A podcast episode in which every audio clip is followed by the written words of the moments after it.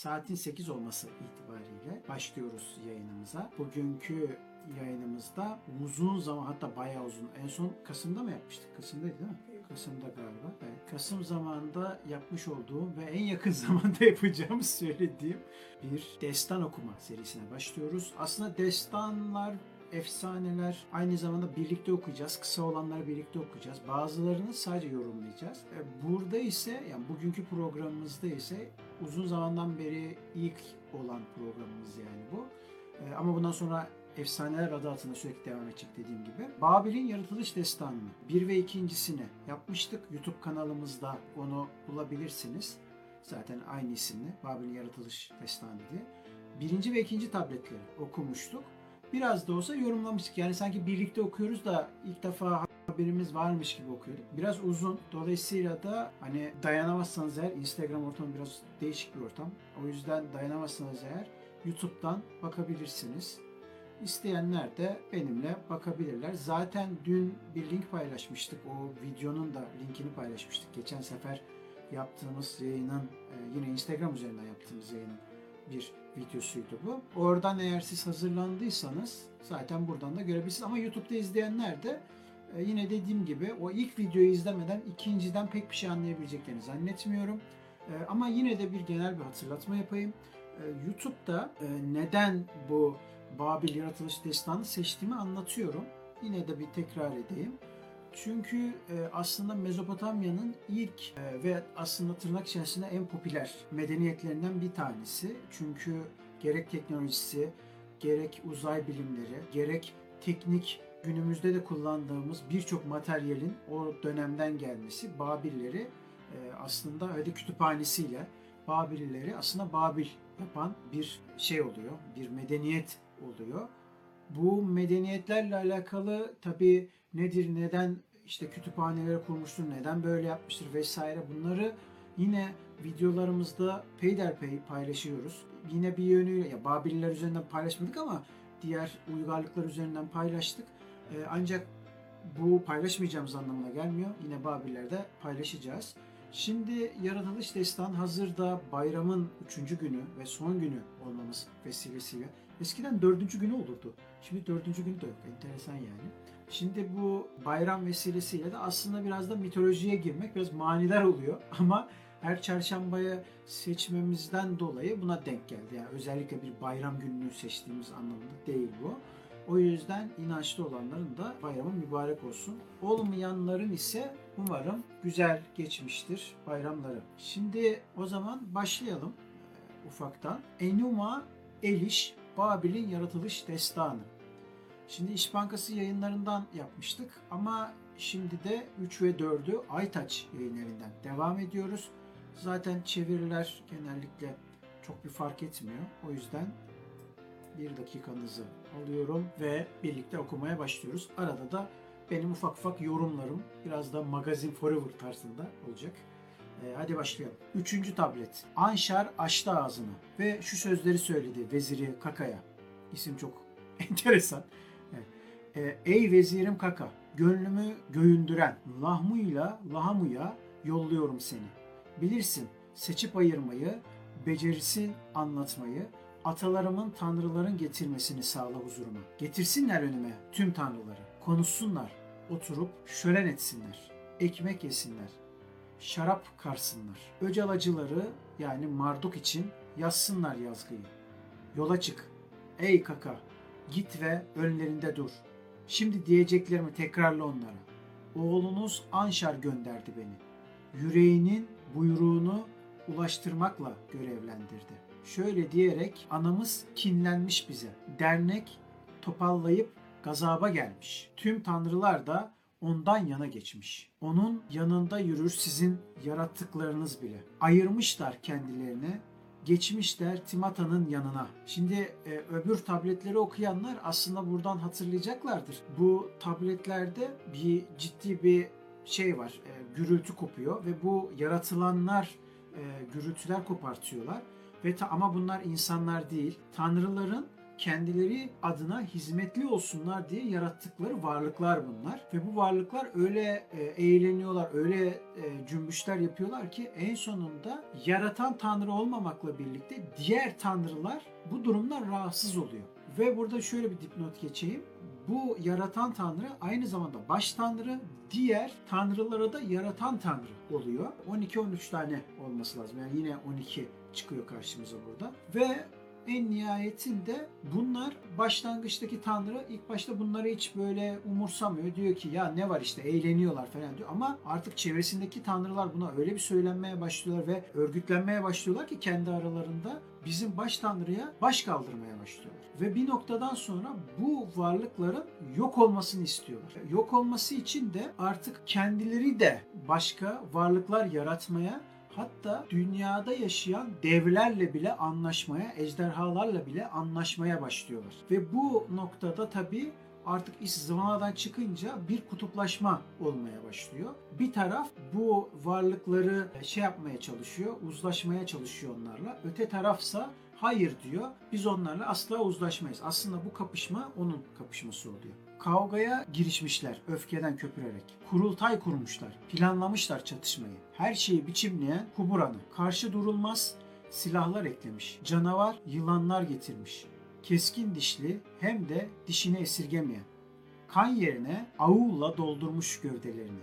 Yavuz ejderhaları giydirmiş dehşeti. Korku salıcı haşmetle taşlandırıp tanrılara eş kılmış. Ta ki korkudan öldürseler kendilerine bakanı, ta ki ileri atılsın gövdeleri, hiçbiri döndürmesin göğsünü geri. Engereyi, ejderhayı salmış ortaya. Koca aslanı, kuduz köpeği ve akrep adamı da.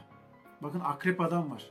Mesela bu yönüyle de Mısır mitolojisine de bir benzerliği görebiliyoruz. Sürerek önü sıra boya cinlerini, Yusufçuğu ve bizonu taşıyarak aman vermez silahlar, vuruşmaktan korkusuz. Güçlüdür buyrukları, direnilmez onlara. Toplam 11 etmiş böyle yoktan. Bakın bu da mesela tek sayı. Oluşturan ilk çocukları tanrılar arasından Kingu'yu seçip yükseltmiş.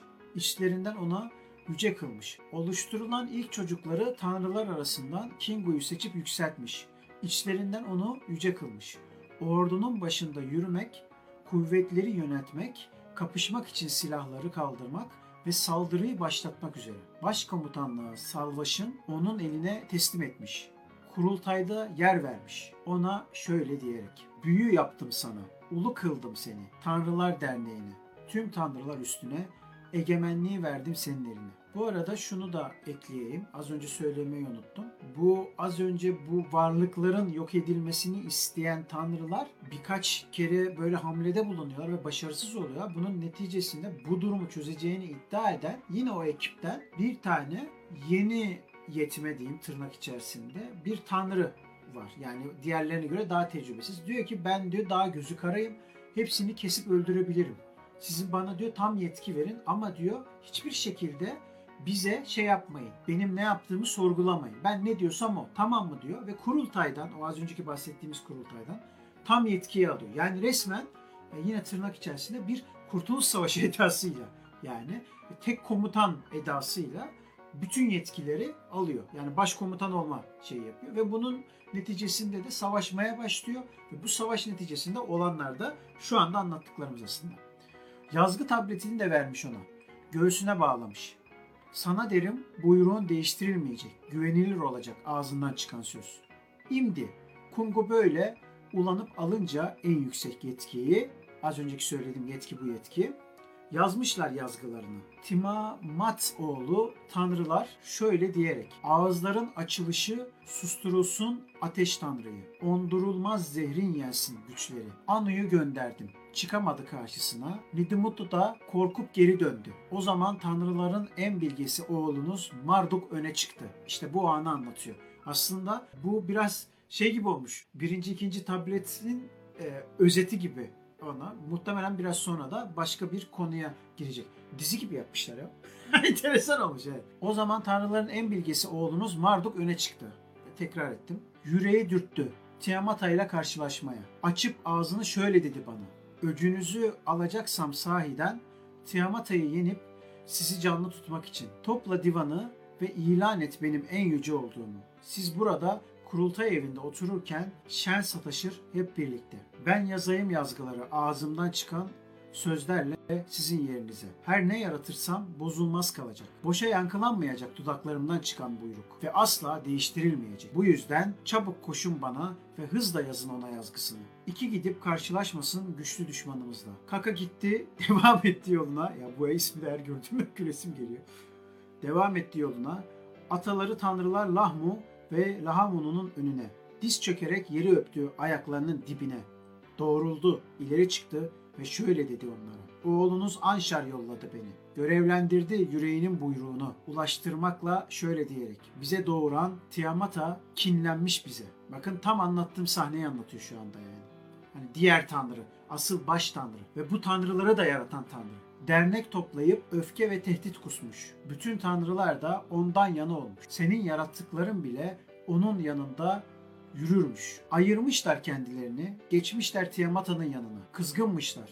Kumpas kurmuşlar durdurak bilmeden gündüz gece. Kavgaya atılmışlar kuduzca bir öfkeyle. Toplantı yaparak çatışmayı planlamışlar. Her şeyi biçimleyen Huburan'a karşı konmaz silahlar eklemiş, canavar yılanlar doğmuş. Biraz enteresan bir şey soracağım sana. Yanımda uçan salyangoz var da. Şeyi soracağım. Yani mesela şey gibi değil mi? Dünyanın bu dört kitap için olunan aslında dinler mitolojisi üstündeki kısımdan bahsediyorum. Orada mesela şeytan karakteri var ya ortalığı karıştırıyor ama insan bahanesiyle yapıyor. Burada sanki oradaki tanrılar onun bir e, formunun yansıması gibi olmuş. Hani içerideki o kargaşa vesaire hatta bahane olarak da şey olmamış mı? Yine o yaratılan varlıklar yani onun bir yansıması gibi. Aslında kökleri gibi değil mi yani? Bana mı öyle geliyor? şey gibi aslında aslında her medeniyette her çağda şey var bir doğuş var bir ölüş var ve o doğuşun ve ölüşün içinde her zaman bir cehennem, cennet, şeytan, iyi, kötü, tanrı olayı oluyor. Aslında birbirini kopyalayarak ana motif şeyde kaldığı için içinde ana motif. Doğa gibi yani. Aynen. Hı. O motif e, kalıyor içinde ve diğerleri çoğalıyor medeniyet medeniyet farklı farklı kültürlere göre. Hı hı. Evet, devam ediyoruz. Keskin dişli hem de dişini esirgemeyen, avuyla dolmuş gövdelerini kan yerine dehşetle donatmış yırtıcı ejderhaları. Korku salan haşmetiyle taşlandırmış onları. Tanrılara denk kılmış. Ta ki onlara yüzünü çeviren korkudan ölsün. Ta ki ileri atılsın gövdeleri ve hiçbiri dödürmesin göğsünü geri. Engereyi, ejderhayı, Lamu'yu salmış ortaya. Yani ne demekmiş bu? Engerek, ejderha, koca aslan, kuduz köpekleri bir değişkide çoğul olarak geçiyormuş. Salmış ortaya koca aslanı, kuduz köpeği ve akrep adamı da. Akrep adam da enteresan bir şey. Dediğim gibi Mısır mitolojisinden muhtemelen. Hatta belki de birbirlerinden beslenmiştir. Çünkü aynı dönemlere denk geliyor. Yaklaşık 3000 yıllık bir dönemden bahsediyoruz. Dolayısıyla beslenmemesi mümkün değil. Sürerek önü sıra bora cinlerini, Yusufçuğu ve yaban sığırını taşıyarak aman vermez silahlar, korkmaksızın vuruşmadan. Güçlüdür yasaları, direnilmez onlara. Toplam 11 var etmiş böyle yoktan. Yine 11. Mahiyetini oluşturan ilk doğan çocukları tanrılar arasından. Kingu'yu yükseltmiş işlerinde, onu yüce kılmış. Bu arada bu sayılarla alakalı ortamlarda satılacak Bilgiler isimli podcast kanalını tavsiye ediyorum. Son yayınında bu sayılarla alakalı tek tek anlatıyor. İşte sıfırdan başlıyor. Ona kadar gidiyor ama yani ondan sonrası da var. Çünkü o sayılar hani 1 ile 9 arasında gittiği için, oradan çoğaldığı için onlardan dolayı var. Burada da 11'den muhtemelen bahsetmişti diye hatırlıyorum. Yanılıyor olabilirim ama bir bakın derim ona. Kingu yükseltmiş işlerinden onu yüce kılmış. Ordunun başına yürümek, birlikleri yönetmek, kapışmak için silahları kaldırmak, saldırıya geçmek üzere. Savaşın başkomutanlığını onun eline vermiş. Divanda oturtmuş onu. Tanrılara bak divanda oturmuş. Şöyle diyerek, büyü yaptım senin için. Yüce kıldım seni Tanrılar Derneği'nde. Tüm tanrılar üstüne egemenliği senin eline verdim. Ululansın, yüceltilsin sen ey biricik eşim. Ünlü olsun atların Anunnaki'nin atlarından bile. Yazgı tabletlerini de vermiş ona. Şöyle diyerek. Sana derim buyruğun değiştirilemeyecek. Ağzından çıkan söz güvenilir olacak. İmdi Kungu böyle ululanıp en yüksek yetkiyi alınca ikisi birlikte onun oğulları tanrıların yazgılarını yazmışlar. Şöyle diyerek. Ağızlarınızın açılışı sustursun ateş tanrıyı. Ondurulamaz zehrin yensin karşıt güçleri. Anu'yu yolladım ama karşısına çıkamadı. Nimundu korkup geri döndü. O zaman oğlunuz tanrıların en bilgisi Marduk öne çıktı. Bunu yüksek ihtimalle propaganda maksatlı bir tablet bu. Yani sadece bir gösteriş gibi de yorumlamayalım. Yani bir bilgi anlatma, bir bilgi aktarım e, meselesi değil. Yani bir anlatımdan da öte aslında bir propaganda. Kralın kendi geldiği noktaları ya da e, ne diyebiliriz? Kutsal bir güç ithaf etme, tanrı kral gibi şeylere ithaf etmenin kaynakları gibi yorumlayabiliriz. Neden böyle söylüyorum? Çünkü farkındaysanız mesela propaganda herhangi bir siyasi oluşum olabilir. Dünyanın herhangi bir yerindeki de olabilir. Sürekli tekrar ederler yazdıkları şeyleri. Burada da aynı şey. Mesela sürekli tekrarı görüyorsunuz. Yani bu nedir? Aslında senin e, beynine nakşetsin, e, özellikle işlesin diye yapılan bir aslında teknik bir durum, bir edebi tarzdan da ziyade tamamen propagandaya yönelik bir e, tırnak içinde ululaştırma, yüceltme hali bu yazılar. Buradan bunu anlıyoruz yani. Yüreği dürtüyordu onu Tiamatalara karşı çıkmaya. Açıp ağzını şöyle dedi bana. Gerçekten öç alıcınız olacaksam sizin, Tiamat'ı yenip sizi canlı tutmak için kurultayı topla da ilan et en büyük olduğunu. Siz otururken birlikte şen şatır kurultay otağına ağzımdan çıkanla ben yazayım yazgıları sizin yerinize. Her ne yaratırsam bozulmadan kalmalı. Dudaklarının buyruğu boşa yankılanmamalı ve değiştirilmemeli. Bu yüzden çabucak koşun bana ve hızla belirleyin ona yazacağınız yazgıyı. Bakın yine tekrar ediyor. Az önceki söylediğimin yine aynısı. Ki gidebilirsin karşılaşmaya güçlü, güçlü düşmanımızla. Laha ile Lahamu bunları duyunca bağırışıp çağrıştılar. Bütün ikkiler acıyla ağlaştılar. Ne oldu da böyle karara vardı acaba? Anlayamıyoruz Tiamataların yaptıklarını. Bir araya toplanıp yola çıktılar. Yazgıları belirleyen tüm büyük tanrılar.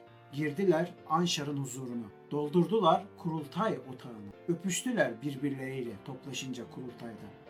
Konuşup söyleştiler. Sofraya oturdular şölen için. Ekmek yiyip şarap kardılar. Bakın ne kadar insani şeylerden bahsediyoruz. Yani çok karşılığı var yani. Tatlı şarap dağıttı korkularını. Şişti vücutları içtikçe sert içkiyi. Aşırı kaygısız, umursamaz oldular. Yükseldi moralleri. Öç alıcıları Marduk için yazdılar. Gereken yazgıyı.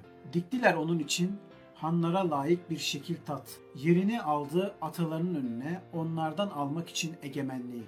Sen en büyüğüsün yüce tanrıların. Yazgın eşsizdir buyruğun Anu'nunki gibi. Marduk en büyüsün. Sen büyük tanrıların. Eşsizdir yazgın. Buyruğun Anu'nun buyruğu gibi. Bugünden sonra hiç değiştirilmeyecek buyruğun. Yükselmek ve alçaltmak senin yetkinde olacak bunlar. Güvenilir olacak ağzından çıkan söz. Boşa gitmeyecek buyruğun. Tanrıların hiçbir el atmayacak senin yetkine. Bakım ister tanrıların kutsal yerleri bunun için ziyaret yerlerinin her birinde bir köşe ayıracak sana. Marduk öç alıcımızsın sen bizim. Sana verdik hanlığı. Bütün evren üstüne. Ta ki oturduğunda kurultayda sözlerin ululansın. Silahların şaşırmasın hedeflerini. Vursun düşmanlarını. Ey han, koru canını sana bel bağlayanın. Ama kötülüğü benimseyen Tanrı'ya gelince akıt canını onun. Sonra bir giysi koydur ortalarına. Ve ilk doğan çocukları Marduk'a dediler. Yazgın Eyhan yüce olacak tanrılar arasında. Buyurdun mu? Yok olsun ya da var olsun diye. Bunlar olacak. Ağzından çıkan sözle şu giysi yok olsun. Sonra yine buyur. Giysi yeniden bütün olsun. Ağzıyla buyurdu Marduk ve giysi yok oldu. Yine buyurdu ve giysi eski haline döndü. Ataları tanrıları görünce gücünü sözünün şad oldular ve saygı sundular. Marduk handır diyerek. Hani bu yılan yapma, peygamberlerin bir özelliği vardı. Yılan yapma ya da var etme ya da ölüyü diriltme gibi özellikler vardı. Ya da e, bazı gezegenleri yok etme, tekrar var etme gibi tırnak içerisinde efsanevi özelliklerin köklerini görebiliyoruz burada. Git kes Timat'ın can damarını, rüzgarlar taşsın kanını, uzak ucra yerlere. Ataları tanrılar belirleyince yazgısını belenin, yola koydular onu. Başarı ve erişme yoluna bir yay çaptı. Marduk, silahım olsun dedi. Temren takıp oka kirişi bağladı ona. Topuzu alıp sağ eliyle kavradı. Yayla okluğu da astı omzuna. Şimşeğe koydu önüne. Parlayan alevle doldurdu gövdesini. Bir de ağ yaptı. Kapatmak için Tiamat'ı içine. Dört yerle oturdu. Uçlarını kaçırmasın diye hiçbir parçası güney yeli, kuzey yeli, doğu yeli ve batı yelini ulu atası Anu'nun armağanlarını yaklaştırdığı ağın kenarına. Yarattığı İmbulu'nun kötülük yerini, Bora'yı, Kasırga'yı. Burada da yanılmıyorsam Apollon'u yani aslında gökler tanrısı güneşi temsil eden bir yönüyle de birçok tanrının yansımasını görebiliyoruz. Hatta bununla ilgili bir tablo vardı.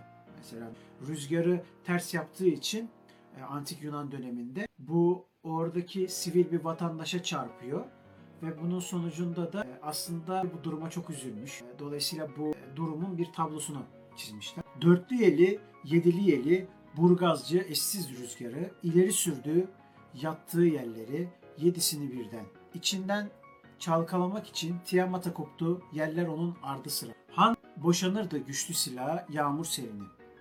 Bindi önünde durulmaz korkunç fırtına arabasına. Dört çekiç koşumlandı ve koştu onları arabaya. Yokken acımasız çiğneyen ve uçan, keskindi dişleri, avu salardı. Yıkmayı bilirlerdi, öğrenmişlerdi ezip geçmeyi. Vururlardı, korku sarardı dövüşte. Solda ürkünç bir örme zırh giyinmişti. Dehşet salan bir görkem taşıyordu başında. Dosdoğru bir yol tuttu. Han ve yolunu izledi. Öfkeden köpüren Tiamat'ın yerine doğru çevirdi yönünü. Dudaklarının arasında bir tılsım tutar kızıl hamurdan.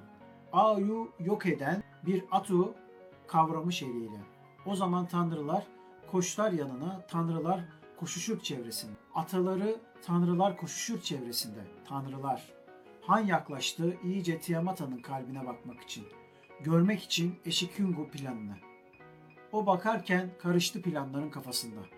Kırıldı istenci, düzenli bozuldu eylemlerinin. Yardımcıları tanrılara gelince onun yanında yürüyen, görüşleri bulandı, görünce Yılmaz kahramanı. Bir kükreme saldı Tiamat'a boynunu çevirmeden. Savrularak dudaklarıyla bayağılığını ve isyanını korkup titrediler. Yüzgeri ettiler. Bırakıp kaçmak istediler savaşı. Canlarını kurtarmak için. Ama kuşattılar dört yandan. İmkansızdı kaçmak. Hapsetti onları Marduk. Silahları da kırdı. Ağın içinde yatarlardı. Tuzağa yakalanmış köşelere saklandılar. Yakına yakına hallerinden gazabına uğradılar hanın zindanına tıkarak. Tiamat'ın dehşeti salıcı görkemle donattığı 11 yaratığa. Cinler sürüsüne gelince coşkuyla önünden giden zincire vurdu. Bağladı kollarını birbirine. Direnmelerine karşın çiğnedi onları ayak altında. Başkaları olan Kingu'yu ise bağladı ve saydı ölü tanrılar arasında. Tanrıların mesela ölmesi burada önemli. Günümüzde böyle bir şey yok. Yani bildiğiniz üzere. Yazgı tabletini de aldı ondan. Zaten onun değildi hakça. Mühürleyip mühürleye bağladı göğsüne. Yenip baş ağrısından sonra düşmanlarına bir boğa gibi sindirdikten sonra densiz düşmanı, perçinledikten sonra Anşar'ın zaferini düşman üstüne, eriştikten sonra Nimdu'nun amacına gözü pek Marduk pekiştirdi tutsak tanrılar üstündeki egemenliğini. Sonra da boyun eğdirdi Tiamat'a döndü. Han arka bölümü bastı Tiamat'ın ve şaşmaz topuzuyla kafasını yardı. Keskin karnını, ana damarlarını ve taşıttı kuzey yeliyle sopa yerleri. Ataları sevinip göğündüler görünce. Ücretle de kutlama armağanı gönderdiler ona. Han dinlendi. Ölü gövdesini inceleyerek. Ucubeyi kesip biçerek ilginç şeyler yaratmak için. Ayırdı onu bir midye gibi. Yarısını yerleştirip yukarı, göğe çarptı yere dam olsun diye. Kol demirini vurdu, nöbetçileri dikti. Buyurdu onlara ki suları kaçırmasınlar aşağı, dolaştı gökleri, inceledi tüm bölgeleri. Nitmud'un konu, konutu Apsu'nun karşısında yer tuttu kendisine. Han ölçtü Apsu'nun boyutlarını. Onun karşıtı ve dengi büyük bir yapı kurdu. Aşra o büyük yapı Aşra'nın bir tavan gibi yaptı. Arştan bahsediyor herhalde. Sonunda arşı yapmış. Değil mi? Öyle anlıyorum. Kelime de çok benziyor zaten. Anno, Enlil ve Ea'yı da oturttu kendi konutlarına. Eski düzene geri getiriyor. Dünya ilk başta var ederken bu katmanlar üstünde yaptığını söylüyor. 7 değildi yanılmıyorsam 9 katmandan bahsediyordu. Her bir katmanda belli bir tanrı var. Zaten e, hepsini yaratan tanrının en başta olduğu yani uzayın e, o gördüğümüz mavili kısmı da olduğu, orada oturduğu söyleniyordu. Diğerlerinin aşağı katmanlarda olduğu söyleniyor. Şimdi eski düzeni tekrar yapıyor. Ve son kısma giriyoruz. Konaklar yarattı büyük tanrılar için. 146 satır Ennemo'nun Eliş 4. tableti tamamlanmadı. Metin çizilmiş bir tablete göre yazıldı. Bir demircinin oğlu, Nait Marduk'un oğlu, Nabuluş'un bunu ruhunu yaşaması ve ocağının sürmesi için yazdı. Ezida emanet etti.